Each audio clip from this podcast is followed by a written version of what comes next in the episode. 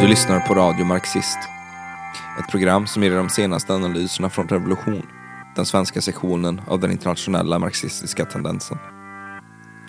Besök gärna vår hemsida, www.marxist.se, för regelbundna uppdateringar och analyser från Revolution. Där kan du också prenumerera på vår tidning, ge oss ett bidrag och gå med i kampen för socialism. I detta avsnitt pratar Stefan Kangas om den kanske viktigaste händelsen i världshistorien. Den ryska revolutionen 1917. Och det här avsnittet spelades in hösten 2017, vilket betyder att I år är det 100 år sedan den ryska revolutionen 1917. Och eh, det här var den första gången som arbetarklassen tillsammans med bönderna grep makten och inledde den väldiga processen med att förändra samhället i riktning mot socialism.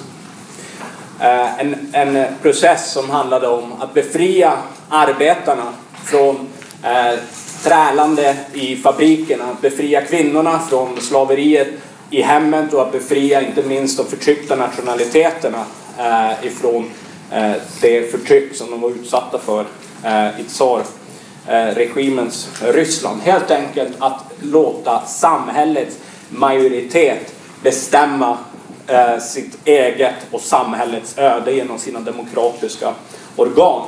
Och den här revolutionen omformade hela 1900-talets historia. Och därför säger vi att det är den enskilt viktigaste händelsen i hela mänsklighetens historia. Och i den härskande klassens ögon så är den här kampen för befrielse ett väldigt brott. Dessutom ett brott som är helt omöjligt att förlåta. Och därför så är den ryska revolutionen också den mest baktalade händelsen i hela mänsklighetens historia. Högern pratar skenheligt om dess påstådda övergrepp mot demokratin och försöker utmåla Lenin som någon slags blodig diktator och sätter likhetstecken mellan den tidigare revolutionära arbetardemokratin och Stalins senare skräckvälde. Men de talar inte gärna om bakgrunden till revolutionen. Att den var början på slutet för det första världskriget, det här imperialistiska kriget där 10 miljoner människor satte livet till. Ett krig som handlade om kontroll över kolonier. De pratar inte gärna om kapitalismens blodiga historia av kolonisering och slaveri. Om Hitlers massutrotning, om Hiroshima och Nagasaki. Eh, allt det här är ett resultat av det kapitalistiska barbariet som enbart socialismen kan sätta stopp för. Högerns ideologiska propagandister, de kan få gråta om demokrati. De här personerna som är vänner med diktatorer, nära allierade med Saudiarabien och svenska imperialisterna har inga problem att sälja vapen till dem. Imperialismen har gått in bakom otaliga militärdiktaturer, statskupper eh, och blodiga försök att sabotera arbetarklassens eh, rörelse. Och de eh, pratar om demokrati. Va? I den mån så revolutionen alls var blodig, det var en väldigt fredlig affär. Inbördeskriget efteråt, när imperialisterna attackerade, blev blodigt. När arbetarna slog tillbaka imperialisternas försök och, eh, och försvarade sig. Och, och, som dog i skyttegravarna, eller svälte ihjäl i städerna, för oss, i kamp för sin egen befrielse. Det är bara mer blod på imperialisternas händer. Va? Och våra fiender och revolutionens fiender hatar revolutionen precis därför att den då för första gången inte bara kämpande utan för första gången vann. Med vapen i hand slog man tillbaka imperialismen. Genom sina organisationer krossade man kapitalismen och göd startskottet för den proletära världsrevolutionen. Va? De hatar den för allt som är positivt med den. Just för att den upprättade arbetarklassens styre. Just för att den innebar att majoriteten utav samhället för första gången skulle få bestämma över sina liv. För att den är ett mäktigt exempel på hur man kan göra om man vill förändra samhället. För att det är ett exempel som lever och skiner fram till denna dag. Så den ryska revolutionens exempel förtjänar givetvis att eh, studeras. Och vi får gräva upp den från det här Eh, berget utav lögner och propaganda som vi har fått både från borgarna, från reformisterna och inte minst utav stalinismen. Arbetarklassen var de som spelade den ledande rollen i den ryska revolutionen. Det kommunistiska manifestet är en fantastisk bok som förklarar hur eh, kapitalismen, som var ett revolutionärt system, har kunnat utveckla produktionen, tekniken, vetenskapen, världshandeln och skapat grundvalen för ett nytt samhälle, för socialism. Marx förklarar i den boken också att kapitalismen skapar sin egen dödgrävare. Arbetarklassen själv, en revolutionär klass.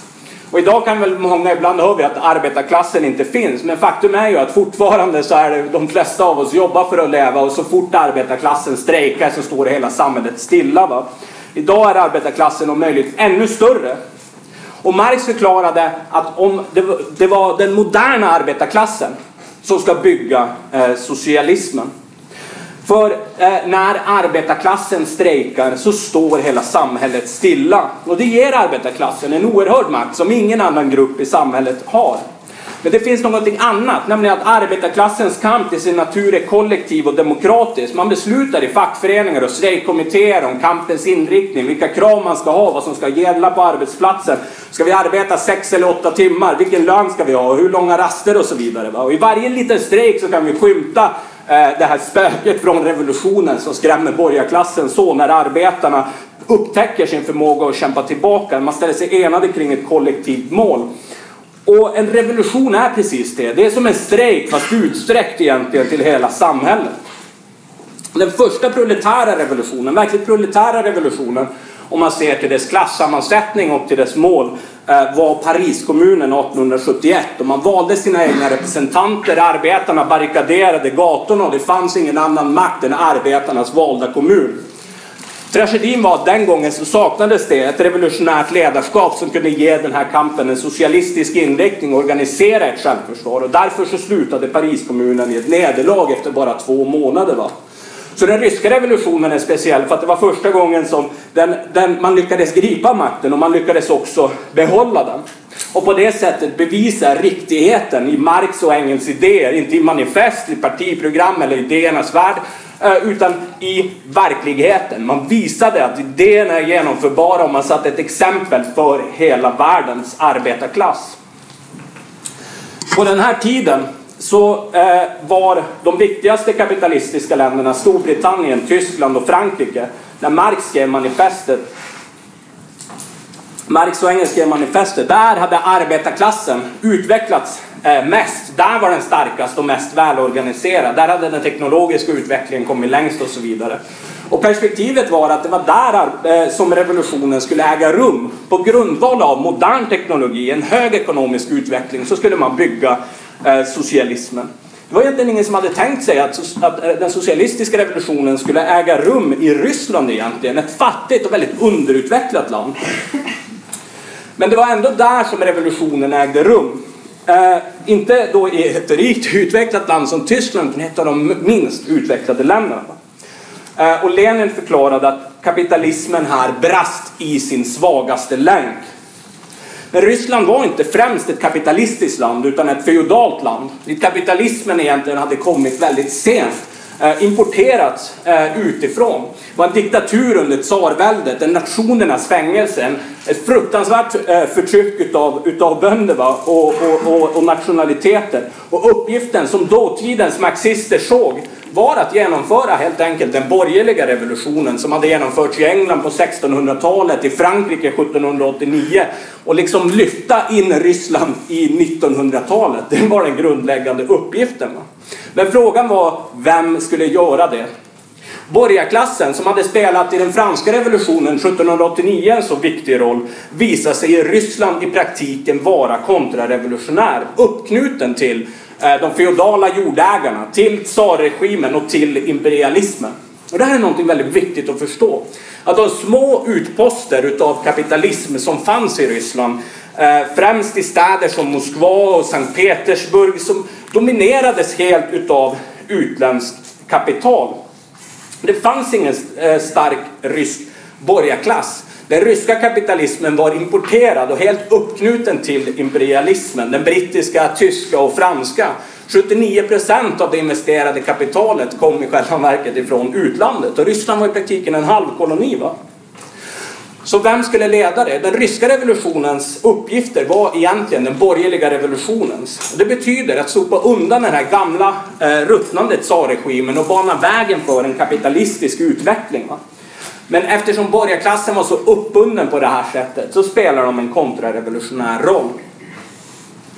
Samtidigt så, så var arbetarklassen i minoritet. 1917 så bestod de av 10 eller kanske med familjer på sin höjd 20-25 miljoner i ett väldigt land på 150 miljoner. Bönderna var den allra största eh, klassen. Va? Och de hade befriats ifrån livegenskap 1861. Men det sätt som det gjordes på gjorde att godsherrarna fortfarande dominerade deras liv. Och år 1900 så saknade omkring 70 procent av bönderna jord nog för att försörja sin familj. Och det här skulle bli en av de viktigaste frågorna under den ryska eh, revolutionen. Och det var arbetarrörelsen som framförallt såg det. Eh, och den bildades under 1880 och 90-talet eh, när den andra internationalen också samtidigt bildades 1889. Och den andra internationalen består av stora organisationer, massorganisationer som var marxistiska, revolutionära, internationalistiska organisationer. Men, men bland de här moderna fabrikerna som importeras från utlandet i Moskva och Sankt Petersburg så hade bönder egentligen kommit in direkt från landsbygden och börjat arbeta och blivit proletärer. Och som en följd av den här, den här eh, koncentreringen utav arbetarklassen på bara ett fåtal årtionden som gick hand i hand med marxismens eh, framväxt då, Eh, så led de inte av någon börda av traditioner från några stora traditionella reformistiska massorganisationer. Det var en ung arbetarklass som var väldigt öppen för revolutionära idéer. Det var där marxismen eh, kunde eh, hitta grogrund. De importerade de mest avancerade idéerna ifrån väst, marxistiska och socialistiska idéer, inte minst genom den andra internationalen. Och Arbetarnas situation var ju fruktansvärt dålig. Alltså, du kunde ha arbetsdagar på 10-14 timmar. Det fanns inga fackföreningar överhuvudtaget. Få eller obefintliga eh, eh, arbetslagar, eller, alltså arbetsrätt. Folk levde och bodde ofta på fabriken, på fabriksgolven. Om man hade ett eget rum så såg man flera familjer inknökade i de här rummen. Det var de här situationen som, som arbetarna levde under. Men under 1890-talet så börjar marxismen Eh, byggas upp. Ehm, och det här, det här är ju samtidigt som egentligen arbetarklassen konstitueras. Den alltså fördubblas i storlek på bara ett årtionde. Plekhanov var en av de som var eh, grundare utav Grupp för arbetets frigörelse som den kallades på den tiden. Eh, och det var små studiecirklar om marxism egentligen som Lenin var en av de som gick med Trotskij var en annan. Va? Och de kämpade och diskuterade marxismens idéer och de utvecklade teorier kring hur marxismen skulle tillämpas eh, på Ryssland. Eh, och det, det, I de här diskussionerna så eh, utvecklades det en splittring i den socialdemokratiska, alla marxister kallade sig socialdemokrater på den tiden, i den marxistiska rörelsen. En reformistisk, mensjevikisk eh, riktning som hade mer siktet inställt på samarbetet med den här borgarklassen Eh, som var svag, oförmögen och i praktiken kontrarevolutionär. Och, en, en inriktning som var bolsjevismen som var eh, inriktad på att det var arbetarklassen i samarbete med bönderna som skulle genomdriva den, den, den eh, borgerligt demokratiska eh, revolutionen. Alltså en splittring mellan en revolutionär del i arbetarrörelsen och en reformistisk. Eh, bolsjevikerna avvisade den här klassamarbetspolitiken som mensjevikerna stod för. Va?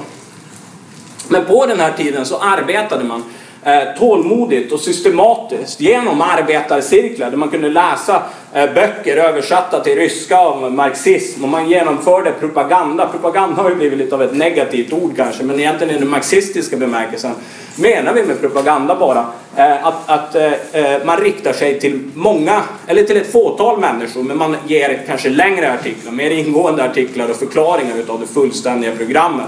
Och det sätter vi till skillnad från agitation då, som handlar om att nå till väldigt många idéer med, eh, men då bara med enklare, eh, enklare slagord och paroller. Man når till väldigt brett då istället. Så det här propagandaarbetet riktade sig egentligen till då bara ett fåtal som satte sig ner, studerade marxismen, läste långa utredande artiklar om kapitalismens utveckling eh, och så vidare. Va? Ett tålmodigt, systematiskt arbete som handlade om att dra ihop, välja ut Eh, eh, och skola de allra första kadrerna i den revolutionära rörelsen. Med att ge ut litteratur, ge ut den revolutionära pressen, diskutera idéerna. Och allt det här arbetet fick ske underjordiskt i Tsarryssland eller ifrån exilen. Och det här var en av de viktigaste anledningarna till att arbetarklassen senare kunde ta makten. Förekomsten utav ett revolutionärt marxistiskt parti utav Bolsjevikpartiet. 1905 så skedde den första ryska revolutionen.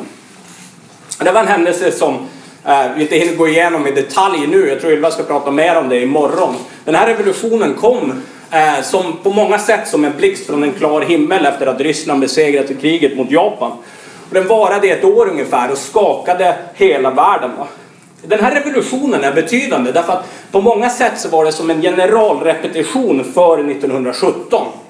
Arbetarna eh, skapade på den tiden för första gången en helt ny organisationsform som heter eh, Sovjet. Sovjet betyder arbetarråd. Va? En uppfinning i den revolutionen. Så de satte upp de organisationerna och, och, och började aspirera på att driva hela samhället själva. Trotskij valdes till ordförande i arbetarsovjeten i Sankt Petersburg. Va? Men vi, vi, har här att göra med en högre form av demokrati än den borgerligt parlament, äh, äh, parlamentariska. Va? en högre form av demokrati som inte är liksom att du väljer några politiker som kanske gör vad du lovar, gör vad de har lovat då två gånger per årtionde. Eh, några, några personer som egentligen eh, bara, bara Eh, pratar medan den egentliga makten finns där bakom i form av storföretag. Utan en högre form av demokrati som baserar sig på aktiviteten underifrån. Där arbetarna väljer sina egna representanter. Där representanterna inte tjänar mer än vad andra arbetare gör. Eh, och eh, där man kan byta ut representanterna från en dag till en annan. Vilket gör också att det är en väldigt dynamisk organisationsform för arbetarklassen, för utövandet av arbetarklassens makt. Eh, Ylva kommer gå in på det här mer imorgon när vi har ett helt pass om det. Den ryska revolutionen 1905 var en riktig läxa också om hur arbetarklassen skulle behöva leda eh, revolutionen. Eh, om hur borgarklassen skulle agera under revolutionen. Att den skulle gå in bakom tsarregimen hellre än vad den skulle basera sig på arbetarklassens rörelse för att genomföra den borgerligt demokratiska revolutionen. Och det var strejker, det var miljoner arbetare som drogs in i den här eh, väldiga rörelsen. Men den misslyckades eh, slutligen. Inte minst för att rörelsen kom igång för sent i resten av landet utanför Petrograd, framförallt på landsbygden. Va? Och genom en kombination av manövrer och repression så kunde man krossa eh, den revolutionära rörelsen. Och det var ett väldigt hårt bakslag egentligen som öppnade en, en, en mörk period kan vi säga eh, av eh, reaktion. Repression ifrån de svarta hundradena. Förföljelser, judepogromer och, och hundratals och tusentals revolutionärer och marxister fängslades, skickades till Sibirien, andra mördades och så vidare. Va? Men under den här perioden, under den här perioden av bakslag och reaktion så höll ändå bolsjevikerna fast eh, vid de revolutionära idéerna. Tack vare att Lenin fanns där och inte gav upp hoppet och sa allt är förlorat, vi misslyckades revolutionen, allt är stekt. Under den här perioden så spelar han en oerhört viktig roll i att eh, försvara marxismens grundläggande idéer. För det började smyga på en pessimism i rörelsen och till och med mystiska idéer som började dyka upp mitt i bolsjevikpartiet självt. Och man fick föra en kamp bara för att ens upprätthålla det marxistiska revolutionära programmet under de förhållandena. Va? Och, och Lenin eh, bekämpade det. Va? Och det var först under åren utav ett, eh, eh, under ett ekonomiskt uppsving under åren 1911 och 1912 eh, som, som rörelsen dyker upp igen. Och då har du den formella splittringen mellan menshevikerna och bolsjevikerna som fram till dess hade varit två tendenser i ett och samma ryska socialdemokratiska arbetarparti. Och nu bildas bolsjevikerna som ett eget självständigt parti. Pravda sätts upp som en masstidning som, som har, alltså den har massspridning på den här tiden. Va? Och det är ett enormt uppsving i rörelsen innan första världskriget eh, som hade kunnat leda till en revolution eh, där och då om det inte hade varit för kriget. Va? Eh, och, och, och bolsjevikerna spelade eh, en stor roll i den. Faktiskt hade antagligen en sån revolution eh, eh, haft en bolsjevikisk ledning redan från början. Men saker går inte alltid i en eh, spikrak linje framåt i historien. Utan eh, vad som hände var det första världskriget och det stoppade eh, rörelsen. Och fram till dess så hade den internationella arbetarrörelsen tagit deklarationen mot kriget i Baselkonferensen 1912 och sagt att vi ska eh, hellre gå ut i generalstrejk än vad vi vill mörda arbetare i andra länder, va? Eh, i skyttegravarna. Så hellre en generalstrejk som en början på Eh, en revolution. Men när kriget deklarerades 1914 så eh, kapitulerade ledarna för den andra internationalen och de socialdemokratiska partierna och gick in och stöttade det andra världskrigets eh, mål. Och de stöttade kriget och de stöttade sin egen borgarklass. Vilket orsakade en enorm kris i hela den socialistiska rörelsen. Och det här var en väldigt svart period utav chauvinism, eh, krig, utav isolering utav den revolutionära marxismens styrkor. Lenin var på sin höjd i kontakt med en handfull eh, i Ryssland. Eh, och eh, man samlades för en konferens i Zimmerwald och Lenin skojar då att hela världens internationalister kan få plats i två tågvagnar. Ja, det är faktiskt något som inte är långt ifrån sanningen, var, hur många de var på den här konferensen. Man fick kämpa i motvind. Eh, men situationen skulle förändras igen. Eh, och det här är ju en viktig läxa då för dagens revolutionärer, att massan lär sig av stora händelser. Det som förändrade massornas synsätt var just händelser, händelser och händelser. Som, eh, där de största är krig, kriser och revolutioner. På samma sätt så ser vi ju idag att eh, massan lär sig av kapitalismens kris om att kapitalismen inte har någonting att erbjuda mänskligheten. Det är det som erfarenheten leder fram till. Och på samma sätt så utvecklades en revolution eh, i Ryssland. Eh, det var inte helt synligt vad som pågick. I januari 1917 så höll Lenin ett föredrag i Schweiz för en grupp ungsocialister och sa att det kommer antagligen inte, den här revolutionen kommer antagligen inte äga rum i vår livstid. Det blir upp till er i den unga generationen att få, eh, att få genomföra revolutionen. Men inte ens två månader senare så skulle tsarregimen störtas, Eh, den här månghundraåriga dynastin. Och eh, det här är inledningen på, eh, på 1917. Det som vi kallar för februarirevolutionen. Kriget hade gått väldigt dåligt för Ryssland. Det fanns en enorm krigströtthet bland bönderna, som, eller bland soldaterna, som egentligen var bönder eh, i uniform. De hade eh, inte bara varit tvungna att utkämpa ett, ett, krig utan varit tvungna att göra det under extremt eh, dåliga förhållanden. det var eh, två soldater som beordrades att springa ut eh, på slagfältet. Och den ena hade ett gevär. Om den, den eh, ena stupade skulle den andra ta upp geväret och fortsätta framåt. Man gjorde helt meningslösa manövrer och så vidare. Eh, ofta inte ens med skor på fötterna och så. Extremt dålig situation. Samtidigt i städerna, Eh, så medan de fina societetsdamerna och herrarna levde ett lyxliv, ett synligt lyxliv eh, och gick på fina banketter och allt annat så växte brödköerna. Det fanns knappt mat eh, på bordet. Va? Befolkningen svältes. Och hela den här situationen var en väldigt det, det, det jäste egentligen i hela landet. Och alla revolutioner börjar egentligen i samhällets topp. Det finns många, fanns många tecken här på eh, att eh, den gamla regimen eh, var i kris. Eh, Trotsky uttrycker det som att en revolution utbryter när ett samhälles alla motsättningar nått det högsta spänningstillståndet.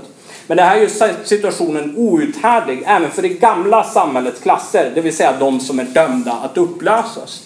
Det fanns en förvirring om hur man skulle eh, gå vidare. Ska vi göra oss av med tsaren? Ska vi fortsätta kriget? Vad ska vi göra? Ingen verkar riktigt veta vad vägen framåt är. Va? Eh, men samtidigt så börjar situationen bli helt outhärdlig för befolkningens stora massa, för arbetarna i städerna, för soldaterna i skyttegravarna, eh, för bönderna på landsbygden och så vidare. Va? Och de börjar ge sig då in i politiken för att förändra situationen, för att förändra samhället. Och det här är det främsta och viktigaste kännetecknet på varje revolution. Att massorna eh, eh, ger sig in i politiken. Arbetare, arbetande människor som inte i vanliga fall är involverade i politik börjar, börjar diskutera, uttrycka sig, agera som politiska varelser. I vanliga fall så orkar man ju inte eh, eller eh, is liksom inte engagera sig. Han har fullt upp med att bara klara vardagen i det här systemet. Va? Arbeta, ta hand om det nödvändiga med familj och annat. Va? Eh, och det kan ni tro att det fanns ett och annat att stå i under det första världskriget med tanke på arbetarnas situation i övrigt. Va? Det krävs stora händelser för att skaka medvetandet. Va? Eh, och eh, en revolution uppstår helt enkelt när krisen i samhället har blivit så djup att situationen har blivit helt outhärdlig för massan.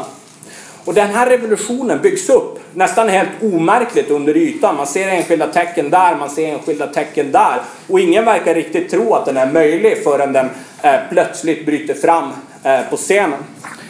Revolutionen i Ryssland i februari 1917 började på den internationella kvinnodagen. Och faktiskt var det inte helt tydligt eh, att... Eh, ska jag se om jag har tiden här.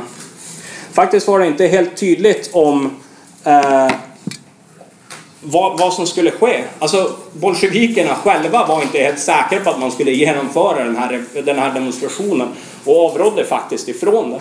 Men under loppet utav ett par dagar, inte bara ledde Petrograds arbetarkvinnor den här eh, demonstrationen på 8 mars, man utlyste också strejk och man, eh, demonstrationen växte dag för dag för dag och verkade bara samla på sig mer och mer och större och större demonstrationer. Och hela eh, 90 000 var det som var ute i strejk den första dagen och det här växte väldigt, väldigt snabbt.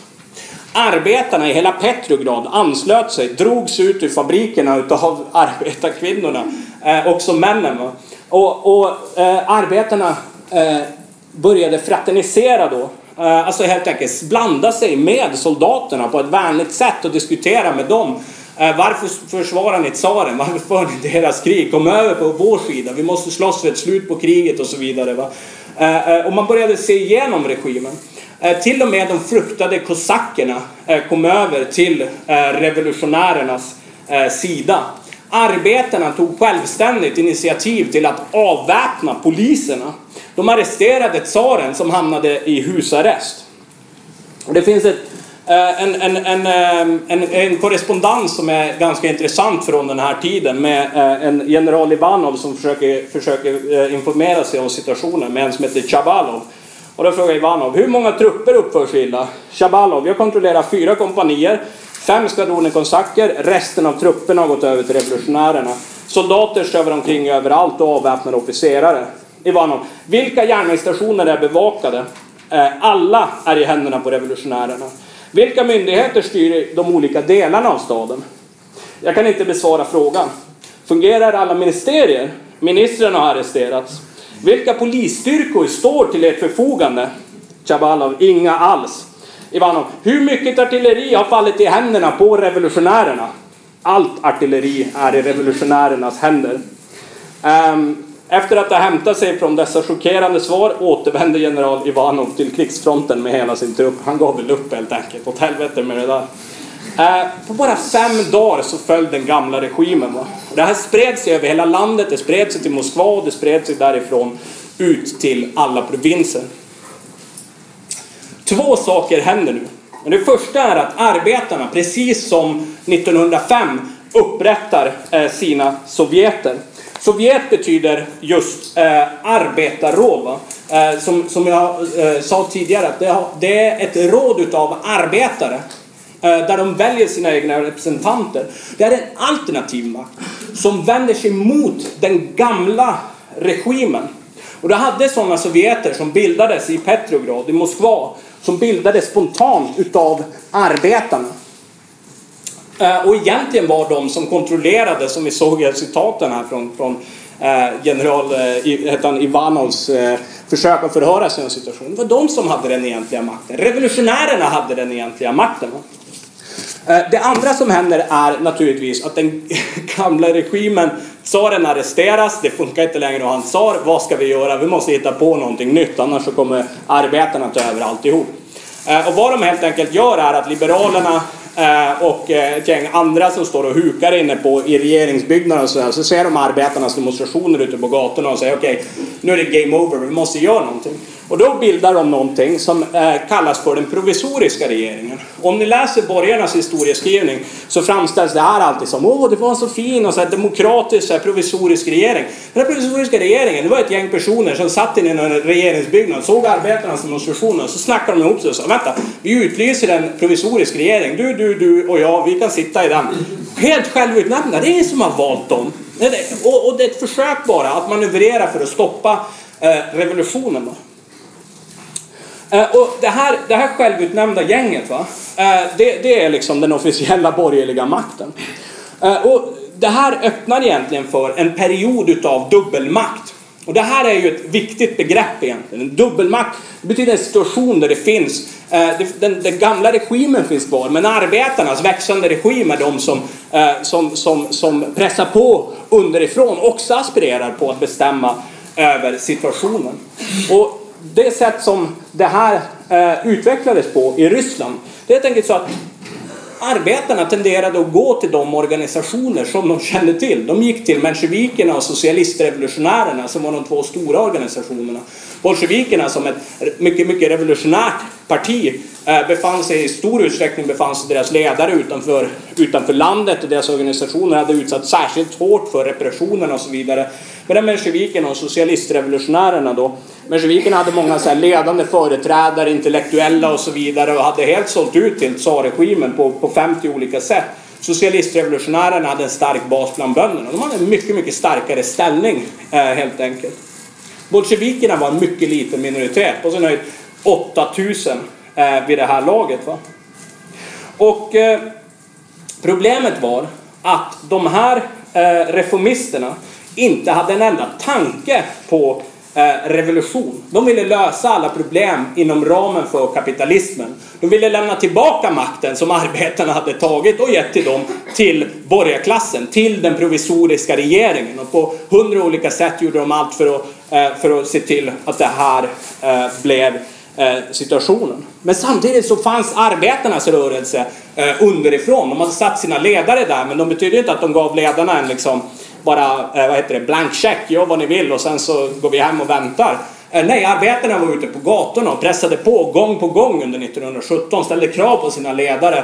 Eh, och i Sovjeterna, va, eh, eftersom man kunde byta ut sina ledare, man kunde välja andra till Sovjeten, så växte bolsjevikernas inflytande. Va. Och en sån där dubbelmaktssituation är ju egentligen inte, en sån kan ju inte pågå hur länge som helst. Det kan ju inte vara två klasser som samtidigt har makten. Eh, det måste, då, då, kommer det vara en kamp, en strid på kniven vid varje liten enskild eh, situation. Vem är det som egentligen ska fatta det slutliga avgörandet? Ska vi fortsätta kriget eller ska vi underteckna fred och så vidare? Va? Och det är en klasskamp. Och det kommer betyda att en dubbelmaktssituation avgörs i en eller annan riktning. Antingen så återupprättas det kapitalistiska styret eller så tar arbetarna makten. Och eh, det som eh, Lenin nu fick föra fram, det var egentligen, eh, han, han befann sig vid det här tillfället i utlandet. Och som vi har sett så eh, för, förklarar bolsjeviker, det var ingen som hade tänkt sig att, att social, en socialistisk revolution skulle äga rum i Ryssland. Den enda som egentligen hade fört fram ens tanken på att arbetarna först skulle genomföra socialistisk revolution i Ryssland, det var, det var Trotskij. Lenin hade inte haft en tanke på det fram till 1917 när han såg revolutionen genomföras. När han såg den här dubbelmaktsregimen. När han såg eh, att eh, på, på grundval av den här dubbelmaktsregimen, på grundval av de här ledarna för Sovjeten, så kommer vi inte ens att kunna genomföra den borgerligt demokratiska revolutionen. Och den enda vägen framåt det är att arbetarklassen genomför en ny, eh, en andra revolution. Och det var hans paroll all makt åt sovjeterna eh, och det betyder precis ingen makt åt den provisoriska eh, regeringen.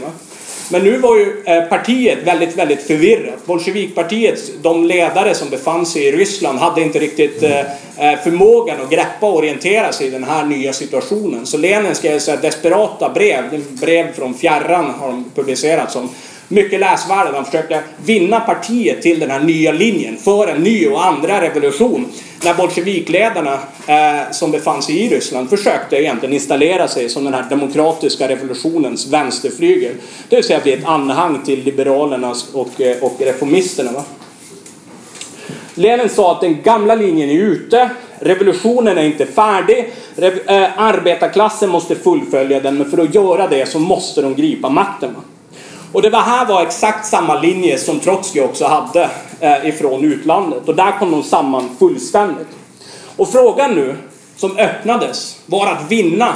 Eh, först vann de i partiet på aprilkonferensen, det är en hel historia i sig, eh, som är värd att studera. Men eh, för partiet, när de väl orienterar sig rätt, så blir frågan att vinna en majoritet utav arbetarna för den här linjen. Före man kan tala om att gripa makten.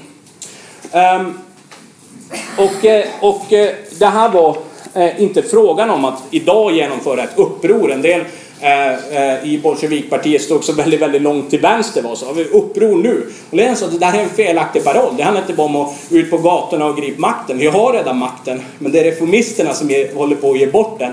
Uppgiften är att vinna majoriteten av klassen för eh, vår sak. Så strategin som Lenin förde fram var att bygga Bolsjevikpartiet. Han sa vi måste tålmodigt förklara vad problemet är. Att alla problem som vi har beror på det kapitalistiska systemet och att den enda lösningen är eh, eh att störta kapitalismen. Och då förde de fram tre stycken viktiga paroller. Eh, jord, bröd och fred. Och eh, för att genomföra det all makt åt sovjeterna. Eh, och det motsvarade stämningen inom massan, där de hungrande massorna naturligtvis ville ha jord, där de krigströtta soldaterna ville ha fred och där de jordlösa bönderna inget hellre önskade än en plätt jord att bruka. Va? Och, eh, eh men bolsjevikerna befann sig i minoritet och majoriteten i Sovjeten eh, stöttade den provisoriska eh, regeringen. Va? Och bolsjevikerna fick tålmodigt förklara sina idéer fast de var eh, i minoritet. Och de tog idéerna till fabrikerna och de agiterade och de förklarade sina idéer. Och de visade i synnerhet att den provisoriska regeringen inte kan lösa några problem. Det spelar ingen roll om det är socialister som sitter i regeringen. Så länge det är en regering i en borgerlig stat så är det en borgerlig regering som inte kan lösa problemen. Och Lenin förklarade eh, att eh, man ändå var för eh, att de skulle eh, att, att sovjeterna skulle gripa makten fast de var dominerade utav reformister. Men att de, han sa om de ska gripa makten så måste de först och främst bryta med de borgerliga elementen eh, i regeringen och själva gripa makten. Och Lenin sa om ni, om, om, om ni griper makten och baserar er på Sovjeten när ni gör det eh, så kommer Bolsjevikpartiet att stötta er eh, i detta. Men återigen hade reformisterna ingen som helst tanke på eh, en revolution. Och därför fortsatte kriget. Därför fortsatte slakten i skyttegravarna. Missnöjet fortsatte växa. Hungern fortsatte. Och i takt med allt det här så växte bolsjevismens stöd. Och fler och fler eh, rörde sig mot bolsjevikernas idéer. Eh, och fram till juni och juli så växte deras stöd dagligen och tiotusentals blev medlemmar i partiet. Under de så kallade julidagarna så var det massdemonstrationer, framförallt i eh, eh, Sankt Petersburg, eller Petrograd som de döpte om staden till. Eh, som arbetarna eh, egentligen hade, hade varit drivande. De hade drivit på för de här demonstrationerna. Och under den här, de här demonstrationerna i början av juli så blev det helt uppenbart att bolsjevikerna hade fått ett dominerande inflytande i eh, arbetarklassen i Petrograd. I sin överväldigande majoritet kom arbetarna ut under bolsjevikernas egna paroller om inget förtroende till den provisoriska regeringen, eh, jord, bröd och fred, all makt till sovjeterna. Det var vad massorna hade skrivit i Petrograd på sina banderoller. Det här visade hur situationen hade förändrats. Ryssland är ett väldigt land med 150 miljoner invånare. Och det här presenterade en väldigt stor fara. Det var en farlig situation för revolutionen och det krävde eh, ett, ett, eh, ett, ett, sitt ledarskap för att orientera sig. Faktum är att i de här, under de här julidagarna hade bolsjevikerna utan vidare kunnat ta makten i Petrograd. Det hade inte varit någon sport. Det hade de utan vidare kunnat göra utan något som helst motstånd, precis som de gjorde sen i oktober. Problemet var att de inte hade majoriteten ännu i Moskva. De hade inte majoriteten definitivt ute i provinserna. Och i resten av Ryssland så skulle man kunna piska upp en antibolsjevikisk propaganda och mobilisera provinserna mot Petrograd. I praktiken hade man sprungit före klassens stora massa eh, så man lät sig inte förledas av styrkan i massrörelsen i enbart Petrograd. Utan förstod att ett, ett uppror vid det här tillfället är ändå förtida. Va? Vi måste vinna majoriteten. Men borgarna eh, använde det här som ett sätt att inleda en kontrarevolutionär offensiv mot arbetarklassen. Och till och med de socialistiska, så kallat socialistiska partierna i regeringen Eh, deltog i den här offensiven. Va?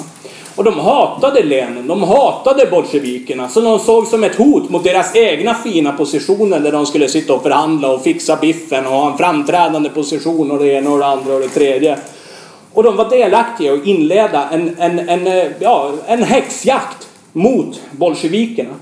De stängde ner eh, tidningarna, for och slog sönder tryckpressarna. De stängde ner kontoren och tvingade bolsjevikpartiet under den här perioden eh, under jorden. Lenin gick i landsflykt i Finland och de drog upp alla möjliga smutsiga argument och började publicera dem i den borgerliga pressen. Eh, om att Lenin han är i maskopi med tyskarna, han får guld av dem, han vill att Ryssland ska förlora kriget. Och det är en massa Eh, totalt tokiga saker. Va? Och alla möjliga typer av förfalskade dokument. Om det var liksom soldater som var för lojala till eh, bolsjevikerna. Då dök de upp med så här, ah, kolla här har vi, här har vi eh, eh, absoluta bevis på att bolsjevikerna är maskopi med tyskarna. Och så, oh, shit, det här har vi ju ingen aning om. Men det är ju helt fullständiga förfalskningar som de presenterar. Så de, de, de skydde inga medel va? i att baktala och smutskasta bolsjevikerna. Um, och det här spelade ju i händerna på de mest reaktionära elementen. Alltså om reformisterna hade trott att de bara skulle liksom, ja nu blir vi av med ett problem, bolsjevikerna, sen fortsätter vi som om ingenting har hänt på det här liksom historiens fina lokomotiv som de trodde sig sitta på. Va? Eh, men tvärtom så uppmuntrade det här de reaktionära elementen. Va? Och situationen förändras, eh, förändras på det här sättet. Eh, från revolution som har rått under de senaste månaderna till kontrarevolution. Och general Kornilov var en reaktionär officer som under den här eh, situationen började organisera. Han organiserar inte bara för att liksom, krossa bolsjevikerna. Det tycker de väl sig nästan vara klara med även om bolsjevikerna finns ju kvar, partiet finns kvar, det finns tusentals bolsjeviker runt om i Petrograd och så vidare. Va? Kornilovs mål är att krossa hela eh, revolutionen. Va? Och eh, krossa sovjeterna, krossa även reformisternas eh, eh, partier, de så kallat socialistiska partierna, mensjevikerna och socialistrevolutionärerna och upprätta en militärdiktatur.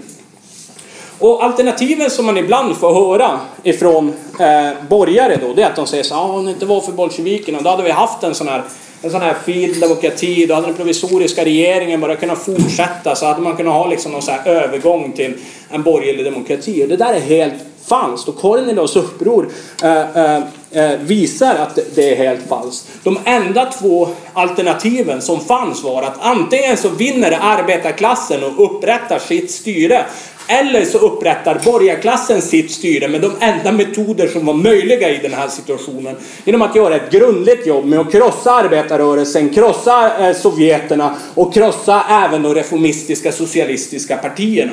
Du hade sett inte en italiensk fascism, du hade pratat om en rysk eh, fascism. Du hade haft en diktatur, en militärdiktatur under Kornilov utav eh, den värsta sort. Och det enda alternativet eh, var, stod mellan det eller en socialistisk revolution.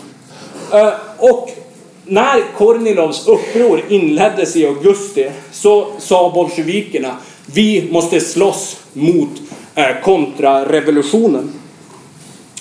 Och eh, kom ihåg nu här hur bolsjevikerna agerar. Det här är en situation där de reformistiska partierna har tvingat dem under jorden, har genomfört den här förtalskampanjen. I praktiken har ett, eh, gjort att Bolsjevikpartiet är ett illegalt parti. Under den perioden så säger bolsjevikerna vi måste stå samman med eh, eh reformisterna för att slå tillbaka Kornilov. Vi kan ta itu med reformisterna senare men just nu så behöver vi en enhetsfront för att slå tillbaka Eh, eh, kontrarevolutionen.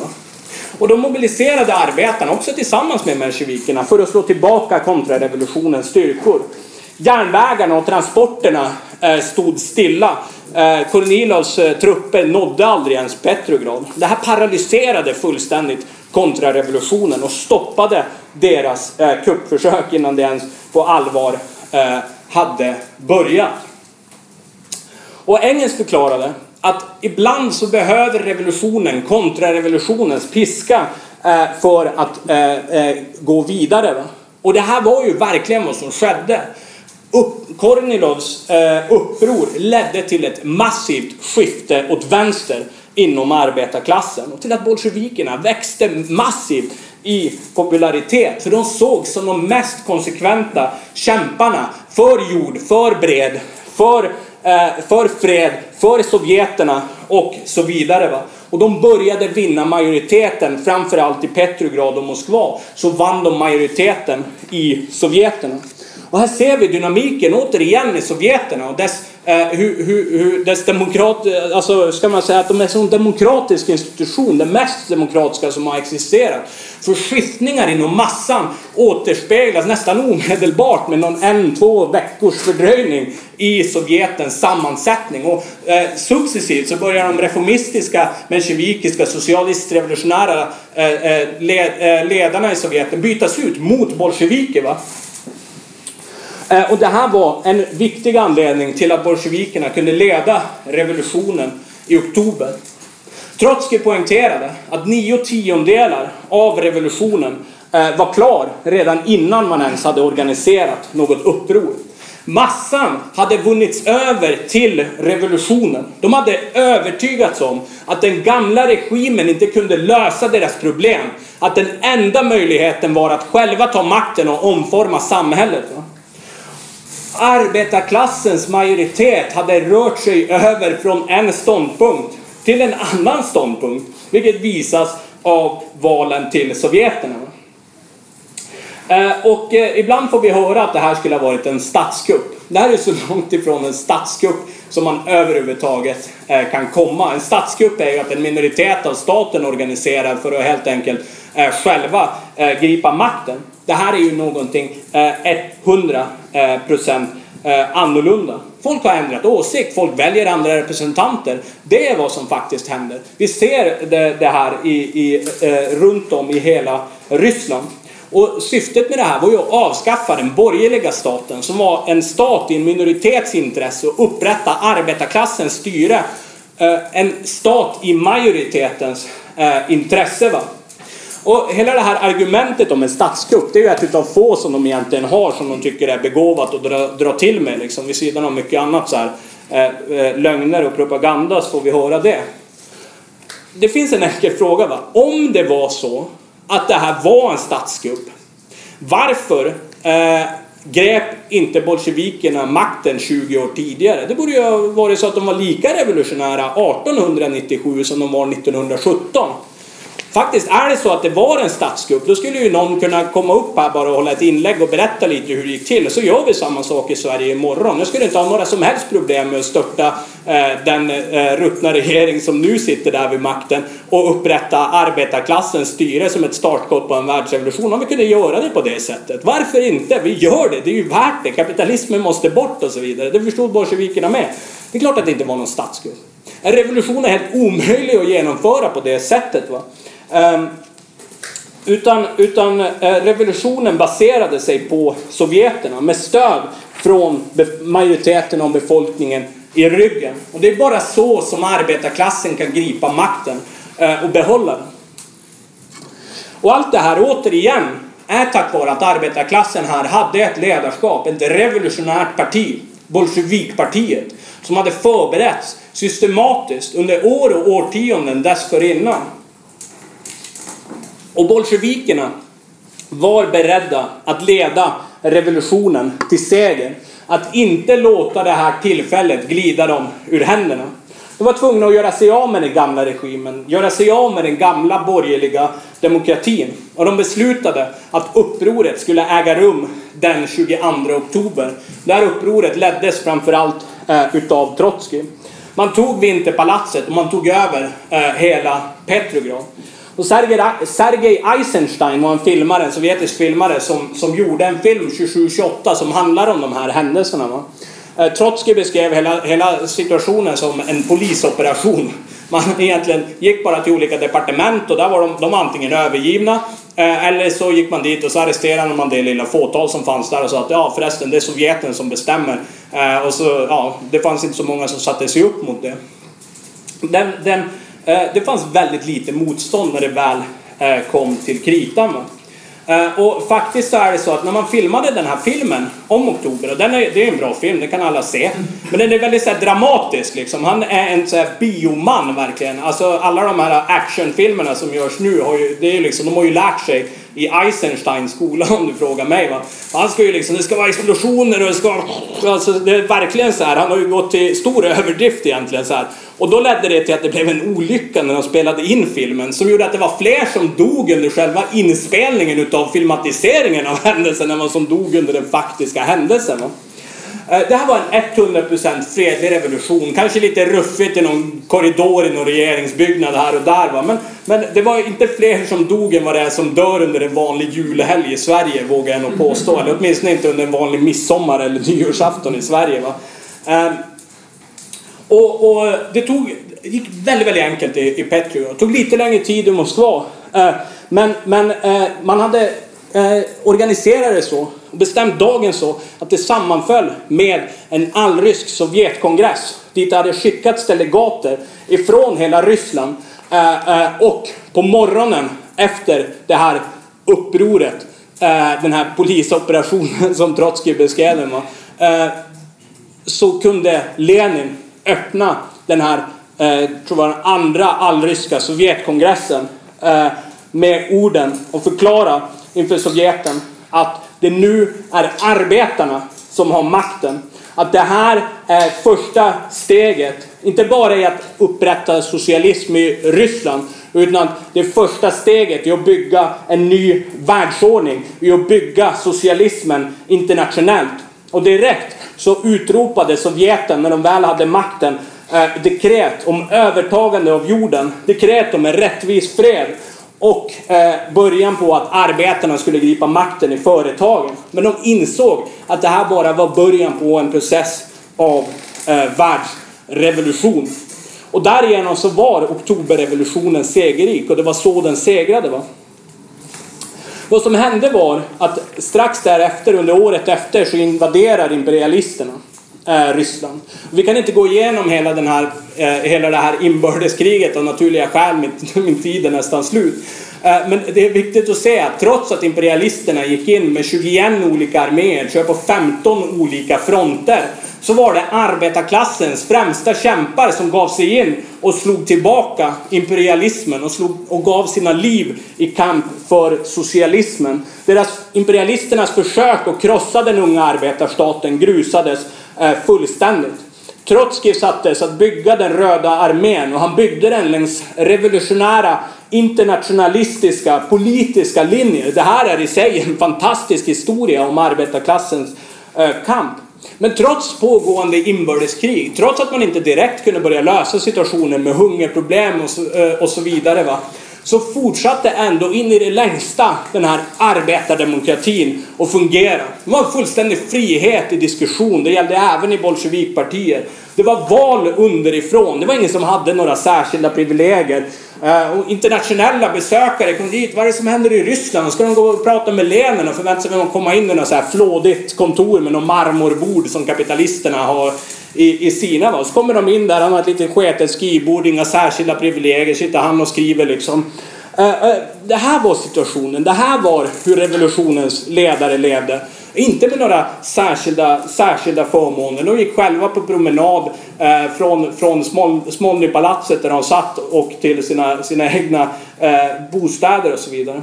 Och det är såklart en längre diskussion om eh, inbördeskriget, revolutionens eh, isolering senare, den ekonomiska fattigdomen som gradvis ledde till eh, det som senare var den stalinistiska eh, urartningen. När stalinisterna tog över och fullständigt krossade arbetardemokratin, använde sin upphöjda position för att ge sig själva privilegier, helt obscena privilegier. Men den viktigaste lärdomen av det här är att man inte kan bygga socialismen i ett enda land. Utan socialismen måste börja på kapitalismens lägsta nivå. Eh, och eh, det här förstod Lenin och eh, Trotskij och bolsjevikerna. De byggde därför den kommunistiska internationalen vars historia vi ska diskutera imorgon. Och Lenins sista tid i livet handlade egentligen om att kämpa mot den här byråkratiseringen som man såg redan 1920. En process som efter hans död 1924 accelererade. Va? Stalin utkristalliserades som en representant för byråkratin. Eh, och efter Lenins död, när Lenin hade precis innan sin död bildat en, ett block med Trotskij i kamp mot den här stalinistiska urartningen, va? så var det Trotskij som fick föra kampen eh, emot stalinismen vidare. Va?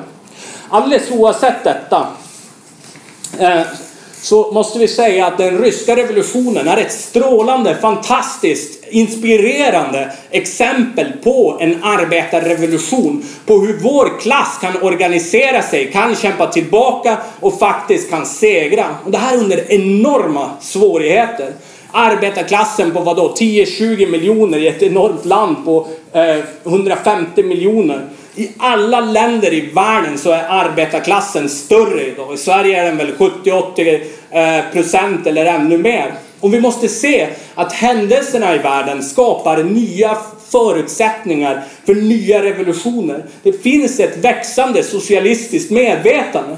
Och om vi vill se till att de kommande revolutionerna blir framgångsrika, vilket vi måste göra, vilket är vår uppgift, så måste vi studera de här Eh, lärdomarna. En rik källa till erfarenheter eh, som inte många av oss har haft möjlighet att leva under. Inte många av oss har gjort en revolution. Men genom att lära oss av det här så kan vi gå igenom revolutionens skola ändå på ett sätt. Lära oss utav de erfarenheter som den marxistiska rörelsen gjort tidigare. Och det visar att en diskussion om den ryska revolutionen också handlar om hur vi ska beväpna oss för att eh, leda arbetarklassen till seger eh, i våra dagar. Vi måste förstå hur bolsjevikerna kunde leda revolutionen. Att de hade byggt under lång tid innan revolutionen.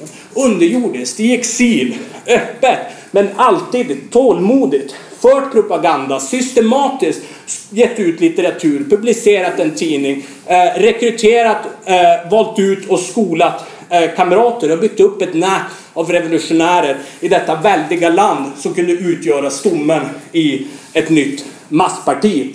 Och Bolsjevikpartiets tillväxt var från att gå från en liten grupp på 8000 till en kvarts miljon, 250 000 medlemmar i slutet utav 1917. Från en liten tendens i arbetarrörelsen till att faktiskt leda arbetarklassen till seger i en socialistisk revolution. Och det kommer att komma nya sådana här tillfällen. Och vi får absolut inte slösa bort den. Vi måste avsluta det som bolsjevikerna påbörjade. Och det är det som är IMTs mest grundläggande uppgift och anledningen till att vi sitter här eh, idag.